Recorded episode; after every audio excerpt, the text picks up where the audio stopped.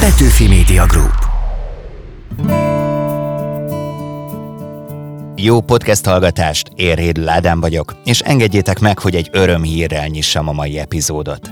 Képzeljétek el, a műsorunk itt található podcast verziója ezüstérmes lett a kreatív.hu online videó audio díjátadóján. Köszönjük nektek és a zsűrinek! Most pedig térjünk vissza a megszokott feladatvállalásunkhoz. Itt a Talpig Magyar, ahogy a reformkor nyomot hagy a Magyar Kultúra Podcast csatornán. Ez a nyom a zenénkben is felfedezhető, ezért most megnézzük a reformkor miként mutat utat napjaink zenéjének, miközben reményünk szerint megreformáljuk a lejátszási listátokat. A dallamok hátán tovább árnyaljuk a Petőfi képet, és természetesen bemutatjuk a Kárpát-medence aktuális bicentenáriumi eseményeit is. Fókuszban tehát a zene, de ha ennél többre is vágytok, ajánlom a petőfi.hu-t. A friss adást minden vasárnap 18 órától hallhatjátok a Petőfi Rádióban, a műsorban hallható beszélgetéseink hosszabb változatáért pedig bátran iratkozzatok fel ide, a Magyar Kultúra Podcast csatornára. Nézzük a témáinkat! Karamel készülő musicale során ráérzett Petőfi művészetére. Szerintem nagyon megelőzte nyelvezetében a korát. Aztán hogyan változik zenévé Petőfi költeménye egy racker kezében? Elhull a virág, eléremlik az élet, nagy tárcát múlra. Szóval az, az volt a fejemben, meg a háromra a lábdob a reggibe. Ferenci Gyuri mesél a Petőfi lemez részleteiről. És ha már Petőfi, megtudjuk, melyik pilvakerre vitte volna el a költőt az esemény ötletgazdája. Az ideiből azt hiszem, hogy arra a pillanatra vinném el, amikor a Bánki Beni és a, a művészeink együtt mondták el ezt a félig ilyen búcsúzó szöveget. Induljon a zenei reform!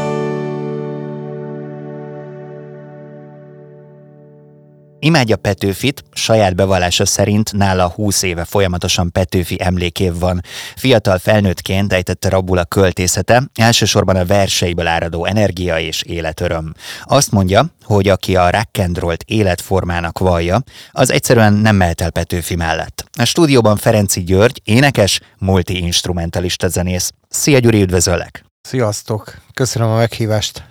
Felnőttként fedezted fel Petőfit. Emlékszel még, hogy melyik verse volt a kapudrog?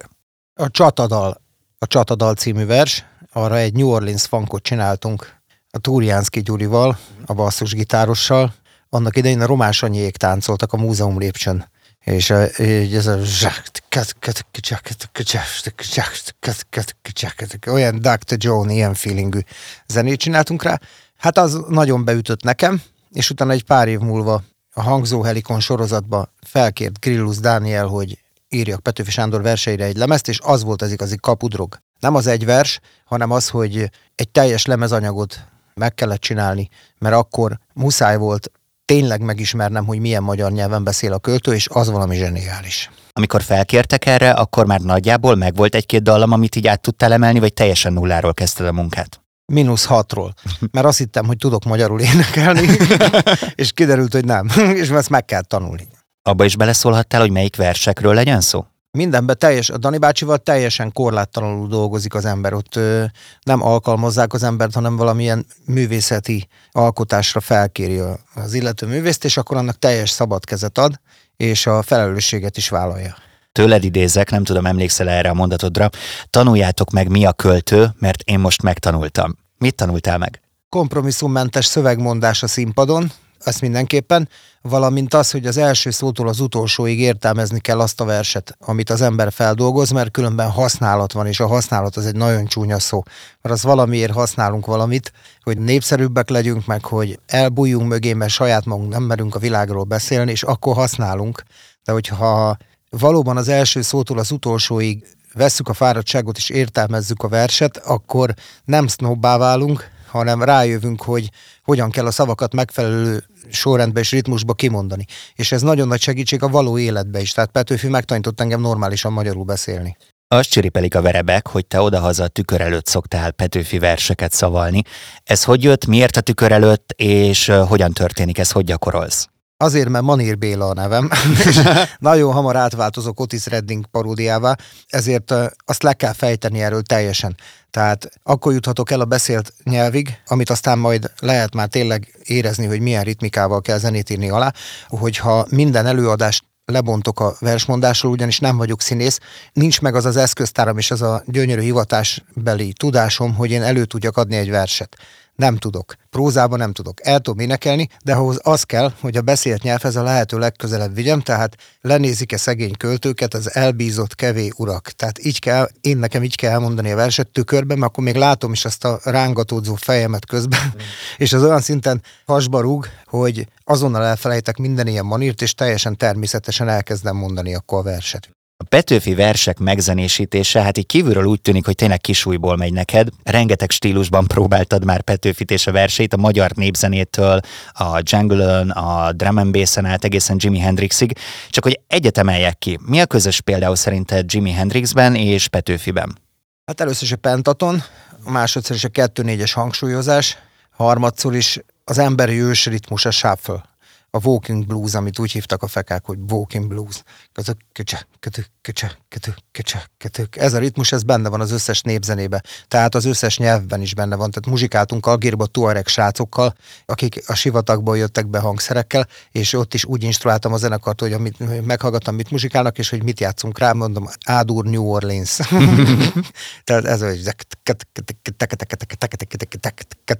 tudod, ilyen sivatagi húros hangszerekkel minden kegyetlen durva volt. Mm, nagyon tetszik az, ahogyan a véredben a zene. Tehát akkor minden stílus jól állhat Petőfinek. Minden költőnek minden stílus jól áll, hogyha az ember értelmezi, akkor ez kinyílik ám, mert az anyanyelv meghatározza. Tehát nincs olyan magyar költő, akinek a verseire ne lehetne jó zenét írni. Csak van, akinek ez fekszik, van, akinek az. Én nekem, hála jó Istennek, Petőfi Sándor beakadt, de ugyanígy beakadt például Gérec Attila is, aki egy teljesen kiforratlan költő volt. Isten nyugtassa, az ő költészete is nekem nagyon sokat mond, és valahogy hozzá is megtalálom a kulcsot. Ugye mindannyian megismerjük már kamaszkorban Petőfit, viszont az igazi felfedezésre gyakran felnőttként jutunk. Nálad is így történt, és hogyha igen, akkor ez vajon miért lehet? Igazából azért, mert Petőfi Sándort semmilyen rendszer nem tudja felhasználni, mert őt nem lehet hitelteleníteni.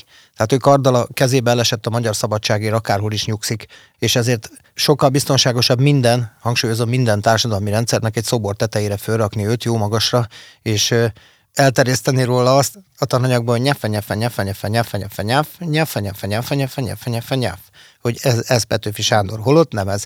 Mindenhol utca van róla elnevezve meg körzeti orvosi rendelő. Gyakorlatilag az történt, amit a lánglelkű költőóriás a legeslegjobban szeretett volna, örök időkre beírta magát a magyar kultúrába és a magyar történelembe. Ennél több nem kell. Nem kell őt rehabilitálni mi egy más szempontból közelítjük meg, mert mi az egész életet más szempontból közelítjük meg. Én konkrétan Woodstocktól jutottam el a saját kultúrámig, és nagyon örülök, hogy a Jóisten ezt az utat adta, mert így muzsikálhattam Póka Egonnal, meg tőle tanulhattam muzsikálni. Meg ugye Hobó. Úgy ismertük meg igazából a verseket, olvastunk mi könyveket, meg minden, de igazság szerint a Hobó volt, aki az én generációmnak egy csomó költőt megtanított, és ő rögtön ezzel a fajta muzsikával hozta hozzánk közel, iszonyat sikeresen, mert társadalmi állástól és zsebtelítettségtől függetlenül mindenki egyformán megszerette József Attilát, és egy nagyon nagy kulcs volt ez, mert József Attilánál azért könnyebb költő Petőfi Sándor, könnyebb is szerintem egy picit azt a fajta rhythm and blues-t alkalmaztatni az ő zenéjére, amit, amit ugye mi írunk tényleg Petőfi nagyságát az is mutatja, hogy csak annyit mondunk, hogy itt van az ősz, itt van újra, már is őt idézzük önkéntelenül, de hogyha mondjuk így azt mondom, hogy beléptek a sorai a mindennapjainkba, illetve hát mondtad itt a Petőfi utcákat, amik mindenhol vannak, orvosi rendelők, stb., akkor kíváncsi vagyok, hogy téged a Petőfi versek igazán a ritmusukkal ejtettek rabul? Tehát ez a húzás az, ami már az elejétől megfogott téged? Vagy mi a titkuk? Igen, és a slágereken hamar túl, ez olyan turista kategórián hamar túllép az ember. És azért vannak ott olyan, például a leveleire is, van olyan levél a Petőfi összesbe, amire zenét írtunk, tehát a levelére. Tehát egy tábornok úr, én nem tartom magam nagy embernek, de akkorácska csak vagyok, hogy oly parányok, amiről ön levet kalappal szóljanak velem. Most erre olyan grúvot lehet írni, és ez egy mondata a költőnek. Tehát ez már mekkora csoda. Ha már Petőfi és Ferenci Gyuri, akkor muszáj megemlítenem, hogy hamarosan képernyőre kerül a Helység Kalapácsa című tévéfilm. Ez egy Petőfi adaptáció, aminek a zenéjét te szerezted, és Dombrovski Linda rendező volt a vendégünk pár hete, ő elmesélte, hogy miért álmodta western környezetbe ezt a történetet. Viszont, hogyha western lesz a helység kalapácsából, akkor a zenei aláfestés az nekem így a fejemben adja magát, hogy country vagy blues legyen. Ez így történik? Hát nagyon sokfajta amerikai muzsika van, ami, ami ebbe beleillik abban az időszakban még például a kínai zene is beleillik, mert ugye a vasutat, a transzkontinentális vasutat azt kínaiak építették, ugyanakkor az ír, a lengyel, még a magyar is, tehát tudunk olyan kisvárosról, ahol 4000 magyar bányász család élt a 20-as években. 4000 család, az legalább két zenekar, érted? Legalább, legalább két banda volt. Tehát az Apple Mennyit bír el? Amerikában ott van a mi zenénk is. Ez a szép az egészben, azért ilyen sokszínű. A Linda ezt, ezt kitalálta, és szerintem helységkalapács az simán lehet western, ami eastern. és egyébként ez az elbeszélő költemény, vagyis egy hosszabb prózai műről beszélünk ugye verses formában, ez nehéz táptalaj volt ahhoz, hogy zenét írj rá? Négy Petőfi verset kellett dramaturgiai szempontokból megzenésítenem, ami maga nem, a négy vers nem része a műnek, viszont dramaturgiai szempontból indokolt. Az egyik egy ilyen egy zongorás szép ballada, de azon kívül egy Rolling Stones, egy James Brown és egy Marvin Gaye. és akkor ez úgy történt, hogy leültél otthon a hangszerek mögé, és mindent feldemoztál, és mutattad a zenekarnak? Olvasgattam a verset nagyon sokat, és mondtam ugye, hogy az a tükrös történet, hogy tükör előtt mondtam a verset, meg minden, és utána elmentem egy stúdióba az egyik barátomhoz, és fölmuzsikáltam a demót én egy magam. Hogyha én írok zenét, akkor én így szoktam. A saját tempomra muzsikálok a legjobban, és iszonyú gyorsan tudok dolgozni, hála jó Istennek, mert ömlik ki belőlem a muzsika. és akkor fölmuzsikáltam ezt a három demót, és elküldtem a zenekarnak értelmezés céljából, mert nem droidok vannak a zenekarban, hanem szabad művészek, és akkor utána mindenki otthon szépen föltette magának, azt egyeztettük, hoztak bele igen kiváló hangszerelési ötleteket a barátaim, és utána azt muzsikáltuk fel a stúdióba. Mennyire volt nagy kihívás? Így utólag meg vagy elégedve az eredménnyel? Meg. Annyira, hogy az összeset a rackával muzsikálni is fogjuk, mert annyira jók lettek a dolog, én nem tudom, annyira szeretem. Gyuri, nagyon várjuk ezt, és köszönöm szépen, hogy eljöttél hozzám beszélgetni. Nagyon kedves vagy, én is köszönöm a meghívást.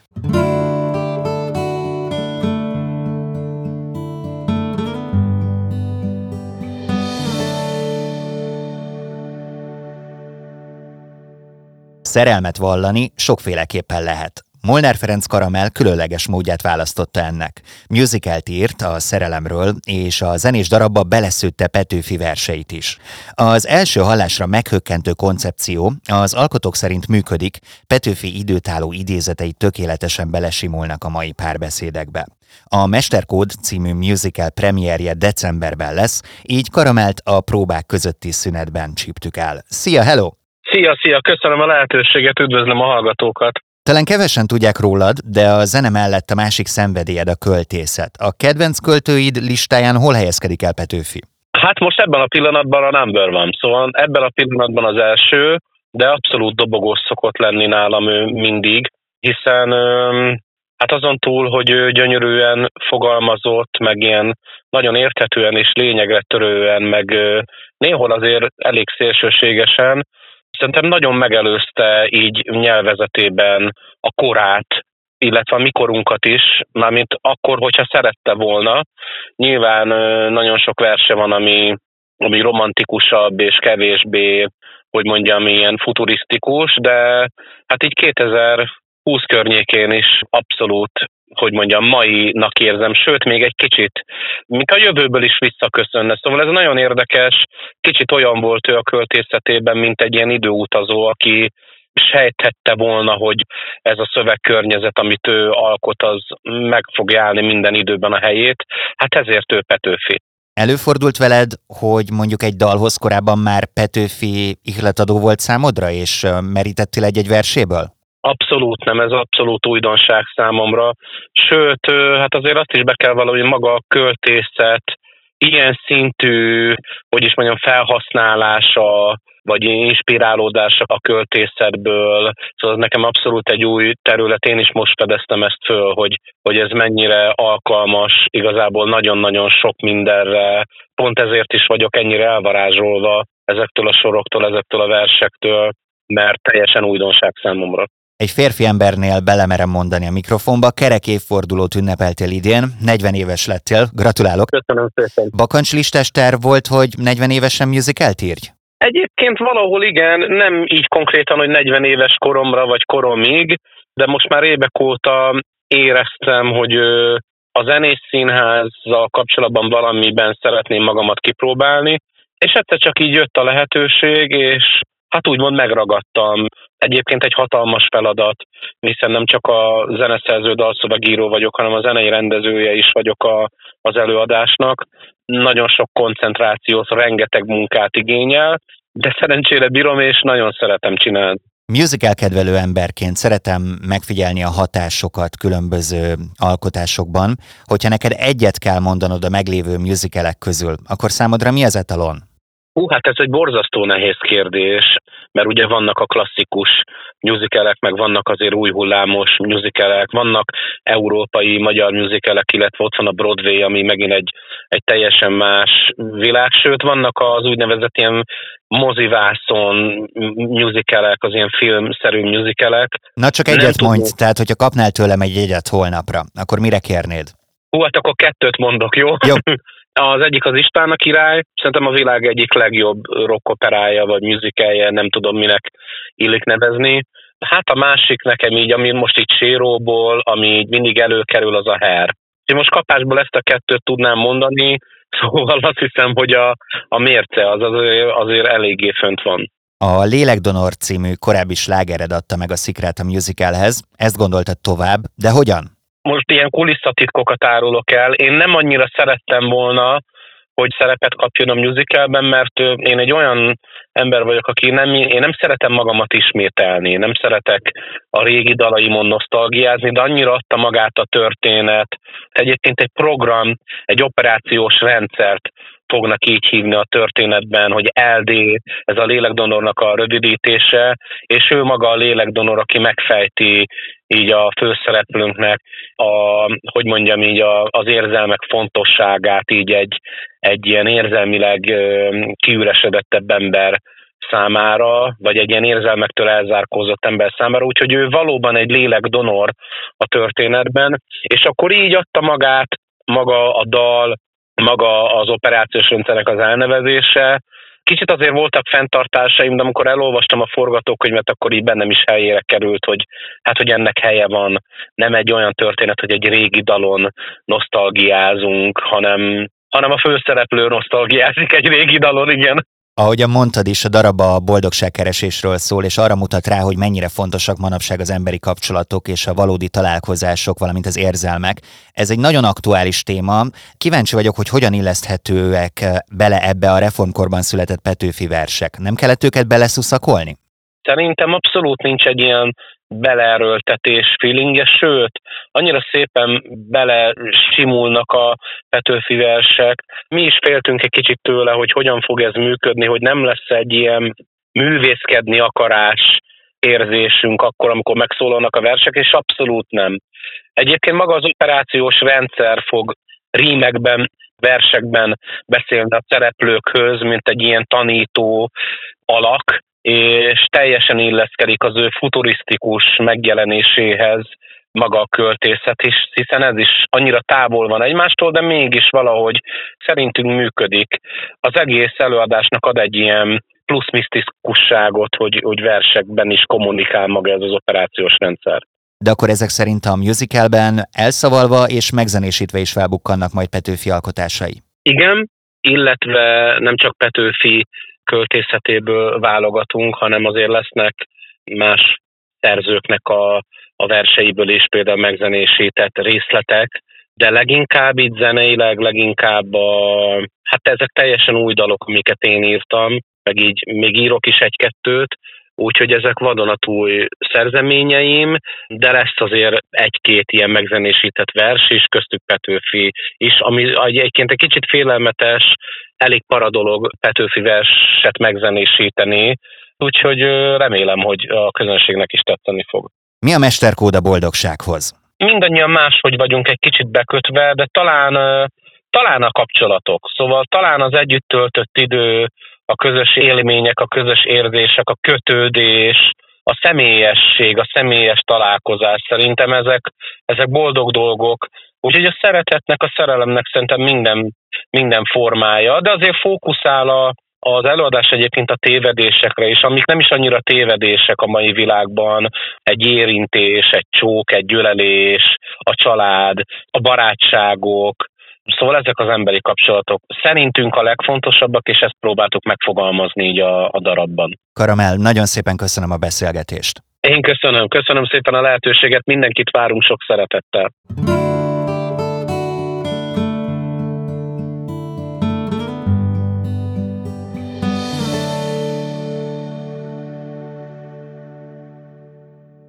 40 versátdolgozás, 52 ezer eladott jegy, 56 milliós YouTube nézettség és meg annyi forradalmi pillanat, ez a Pilvaker mérleges számokban. A szavak forradalma 10 év után idén dupla teltházas aréna koncerttel búcsúzott el. Az összművészeti produkciónak a többi között egy olyan vers átiratot is köszönhetünk, ami azóta iskolai tananyag lett. A stúdióban a Pilvaker ötletgazdája és főszervezője Takács Ákos. Szia, üdvözöllek! Hello! Fél évvel vagyunk a búcsú koncert után. Milyen érzések kavarognak most benned, hogy a Pilvakerről beszélgetünk? Lezártad magadban már ezt a korszakot? Most is azt mondtad, hogy hú. Igen, nem gondoltam bele, hogy ez már fél éve volt, de tényleg azért én tudatosan készültem arra, hogy a tíz évnél, eh, hogyha sikerül egy dupla arénát csinálni, akkor ott tényleg lezárunk egy korszakot. Nehéz erre válaszolni, szerintem majd igazán akkor fog leesni, amikor jövő március 15-én ülök valahol, és, és malmozok, és nem lesz gyomoridegés, és nem jönnek sokan megnézni az előadást, amire készültünk. Most még szerintem nem esett le teljesen. De akkor ez is úgy lesz, mint meg annyi rockzenekarnál, hogy búcsú koncert tizedik, búcsú koncert tizenkettedik, tehát hogy így néhány évvel később vissza fogsz majd nyúlni ehhez? Nem tudom őszintén, szóval egyrészt igyekeztünk lévén ez a formáció, meg az egész, amit mit csináltunk, ez egy picit egy ilyen műfajon kívüli dolog volt, tehát se nem voltunk klasszikus koncert, hiszen ugye prózai elemekkel és, és egyéb elemekkel is tarkítottuk az előadást. Másrésztről nem voltunk nyilván színházi előadás sem, se nem slam poetry műsor, ezért igyekeztünk mindig egy picit a magunk feje után menni, és nem feltétlenül úgy csinálni a dolgokat, ahogy mások csinálták, hiszen keresgéltük a műfajunkat, és azt is, hogy hogyan a leginkább életképes az általunk létrehozott koncepció. Tehát én nem tervezem azt, hogy jövőre, meg jövő után újra a búcsú koncert. Szerintem nagyon fontos volt mindig a hitelesség, nyilván ha hitelesek akarunk maradni az idei kijelentésekhez, akkor most pihen egy kicsit a produkció. Ahogyan itt utaltál rá, a Pilvaker ez tulajdonképpen a múlt és a jelen egy különleges fúziója volt, és eléggé tudatosnak tűnsz így tervezés szempontjából. Hogy látod így tíz év távlatából? Vajon mitől volt forradalmi ez az ötlet, és mennyire tudtatok vele tervezni, és mennyire történt az, hogy titeket is meglepett az eredmény? Múltkor megszittak, mert azt mondtam, hogy nem volt teljesen tudatos minden mozzanata az elmúlt tíz évnek, pedig tényleg így van, tehát szerintem egy nagyon szerencsés együttállása volt ez a, az akkori zenei trendek változásának, felfutásának, és az amúgy kulturális légkörnek, amiben mi megérkeztünk, meg atmoszférának. Tehát, hogy szerintem ez hülye hangzik ez a jókor jó helyen, de biztos, hogy az is kellett hozzá, amellett, hogy tudatosan csináltuk, hogy sokat dolgoztunk vele, hogy nagyon tehetséges emberek kerültek be a produkcióba a legelején, de ettől függetlenül jókor is nyúltunk egy témához jó emberekkel. És szerintem voltak olyan pillanatok, amikor azt éreztük, hogy wow, jó nagyra nőtt, meg azt a milyen nagy tömeget ért el ez az egész, amit a Diaz albérletéből kezdtünk el csinálni. Nyilván, amikor láttuk azt, hogy mekkora felelősséggel bír már a produkció, akkor ezzel arányosan mindig megnőtt az, hogy, hogy még jobban odafigyelve tudatosan csinálni azt, amit csinálunk. De hát nyilván minden olyan dolognak, ami nagyra nő, kell egy ilyen váratlan hype, meg lejtő, és az itt is megvolt. Slash szokta mondani, hogy ő nagyon szeret kis klubokban is zenélni, mert hogy teljesen más a feelingje, mint mondjuk egy nagy arénában. Szerinted ez elvesztett valamit azzal, hogy a Paplászló Budapest sportarénában volt? Hát más volt. Biztos, hogy az intimitását valamilyen szinten elveszítette természetesen, hiszen átmentünk egy kulturális térből, egy színházból, egy koncerthelyszín, egy stadionba, egy, egy arénába, de a nap végén egyrésztről a közönségünket szeretük volna élőben ott látni az eseményen, nem pedig csak a YouTube-on és a Spotify-on találkozni velük, úgyhogy mindenképpen meg kellett, hogy lépjük ezt a növekedést egyrészt, másrészt annak ténye, hogy 13 ezer ember egyszerre hallgat néma csöndben egy Petőfi verset az arénában, az viszont a mai napig libabőr, legalábbis nekem, úgyhogy az meg egy, egy baromi nagy ereje is volt ennek a lépésnek, de én imádtam az erkelt is. Vahot Imre lehet, hogy ennek most nem örülne, de Petőfi menedzsereként is szoktak téged emlegetni, és adja magát a kérdés, hogy mennyire volt terve az, hogy a fiatalokkal megszerettessétek az irodalmat, illetve szerinted hogyan lehet őket erre fogékonyá tenni? Ugye egy verziót ebből megragadtatok, de ez a verzió? Hát először is köszönöm, én magamra biztos, hogy nem mernék ilyet mondani soha mármint egy Petőfi menedzsere. Örülök neki amúgy nagyon, hogy ennyi fiatalhoz eljuttattuk az irodalmat, nem csak Petőfi Sándort, József Attilát, Arany Jánost, Kosztolányit, stb. Én azt gondolom, hogy az, hogy mi úgy csomagoltuk újra a 19. századi költészetet, hogy, hogy ma népszerű előadók, művészek által interpretáltuk ezt a fiatal közönségnek, az mindenképpen egy hatékony módja volt ennek, legalábbis most így utólag úgy tűnik. Ehhez az is kellett viszont, hogy olyan érzékkel és olyan stílussal nyúltunk hozzá, meg nyúltak hozzá a művészek a versekhez, hogy az se nem volt egyáltalán kínos, se nem volt kellemetlen, sokkal inkább izgalmassá és még befogadóbbá tette a tartalmat, aminek aztán az, a forrásának meg tök könnyen utána nézhettek az emberek az interneten vagy a tankönyvbe. A Pilvaker daloknál egyébként lehet tudni, hogy a versek ihletadóul szolgáltak. Ha egy fiatal fejében mondjuk úgy rögzült a föltámadott a tenger, hogy föltámadt a tenger, minden csepp a mi emberünk, és mondjuk irodalomórán így kezdi a felelést, akkor szerinted hányast érdemel? Hát erre nehéz nem elfogultan válaszolni, csillagos ötös és, és, és, és négyes között billegek, de amúgy én azt gondolom, tehát nagyon sok tanárral, irodalomtanárral beszélgettünk arról, hogy hogyan használják a feldolgozásainkat, a dalainkat az oktatás során. Akkor gondolom eljutottak hozzád ilyen sztorik. Nagyon jók, igen, és például volt olyan, aki a Reményhez című versnél, a Marsakó Dávidnak van egy ilyen wow része, mert úgy jött ki a, a beatre a rap, és volt olyan, aki úgy felelt például a, a versből, hogy benne hagyta a vót, és az egész osztály tudta, hogy akkor ő is a pilvakeres verzióból tudta megtanulni a szöveget, és röhögött az egész csapat, és ez például a tanárnő, aki mesélt, ezt értékelte, tehát hogy, hogy örült neki, hogy akkor ilyen alternatív módon, ilyen frappánsan állt hozzá a verstanuláshoz a diák, de szerintem azért a tanárok ezt jól helyre rakják a fejekben. Melyik feldolgozás volt a legkomplexebb? Mi volt ez, ami a legkomplexebb feladat elé állította a csapatot? Hát erre most nem tudom, hogy mennyire szabad őszintén válaszolni. Teljesen. A komplexitását tekintve nyilván az, hogy technikailag melyik mennyire volt bonyolult, arra már nem is emlékszem igazán, inkább a, amire én visszaemlékszem, melyik volt nehezebb, az az, ahol mondjuk a művészek nem értettek egyet bizonyos dolgokban. Mondjuk a refrén az a negyedik verzió volt, mire megtalálta önmagát. Tehát, Ez melyik volt? Azt hiszem, hogy például a magány az nem készült el olyan könnyen, viszont nagyon érdekes, hogy az egyik legerősebb dalunk lett. Tehát, hogy néha jót is tett amúgy a belső feszültség a, a, a végeredménynek, de nagyon más volt az összes dal, meg az, hogy például tök, sokkal nehezebb volt az, ahol sok szereplős, ahol mondjuk 8 MC van egy dalba, mint ahol mondjuk csak ketten. Ha már csúcsokat hódítunk, akkor melyik a te kedvenced? Nincs.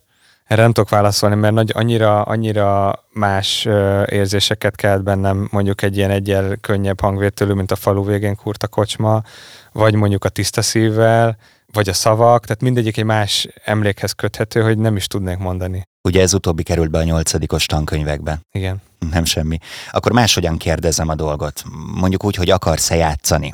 Tehát tegyük fel, Petőfit elrepíthetnéd egy pilvakker pillanathoz. Akkor melyiket választanád? 2017-es harmadik erkeles előadásunkat, azt mindenképp, ott abban azért tripláztunk, és a harmadik előadásnak volt egy olyan atmoszférája, hogy, hogy arra azóta emlékszem, és, és ez valamiért nem megmaradt. Plusz az ideiből azt hiszem, hogy arra a pillanatra vinném el, amikor a, Benny, Bánki Benny és a, a művészeink együtt mondták el ezt a félig ilyen búcsúzó szöveget a teltházas arénában, full csöndben, az is nekem nagyon megmaradt. Te is említetted a Falu végén Kurta Kocsma című Pilvaker dalt, és ezzel kapcsolatban kíváncsi vagyok, hogy van-e valamilyen személyes emléked, vagy valami, ami így eszedbe jut, és ki tudod egészíteni, vagy hozzá tudsz adni ehhez a dalhoz amúgy beletrafáltál, mert van, mert ugye ebben benne van Subbase Master, és a, az én generációm tiniként Subbase Masteren nőtt fel, és szocializálódott, és nyilván mindenkit nagyon szeretek a produkcióból, meg egy nagyon jó kis csapat alakult ki, de amikor Subbase először megérkezett az első Red Bull Pilvaker próbára és megbeszélésre, akkor azért mindannyian elfolytottunk egy sikítást, meg egy ilyen fangirlinget, tehát hogy azért ez egy hatalmas élmény volt, hogy, hogy Máté Szabolcs hajlandó részt venni abban a produkcióban, amit mi megálmodtunk, és azóta nyilván egy nagyon jó barátság is alakult ki. Úgyhogy nekem például az egyik legnagyobb kincs vagy értéke ennek az egész elmúlt tíz évnek az az, hogy én a szabészsel tíz évig együtt dolgozhattam, és a gyerekkori énem az biztos, hogy borzasztóan örült volna ennek, hogyha így megsugom neki előre. És a falu végén kurtakocsma volt azt hiszem az első teljes, hosszú rádiós dal, amiben a Szabi részt vett nálunk, úgyhogy mindenképp az egyik kedvenc. Ákos, nagyon szépen köszönöm neked a beszélgetést. Én is nagyon szépen köszönöm. Ez volt a Talpig Magyar, ahogy a reformkor nyomot hagy, a Petőfi Emlékév hivatalos műsora a Magyar Kultúra Podcast csatornán. Ebben az epizódban a reformkori zenei hatások vizsgálatával foglalkoztunk. A műsorban megszólalt Karamel, Ferenci Gyuri és a Pilvaker megálmodója Takács Ákos. Ahogy észrevehettétek, a velük készült beszélgetéseink hosszabb változata itt található a Magyar Kultúra Podcast csatornán, rögtön a Petőfi Rádió vasárnap 18 órai adása után. Ha feliratkoztok ide, a Talpig Magyar korábbi epizódjait is meghallgathatjátok. Mára elhúztuk a nótánkat, a következő találkozásunkig nézzetek körbe a petőfi.hu-n. Köszönöm a segítséget a Talpig Magyaroknak, Péceli Dórinak, Megyeri Gabriellának, Csali Anna Máriának és Szemők Bálinnak. Jövő héten is várlak benneteket, én Rédl Ádám vagyok. További jó podcast hallgatást kívánok!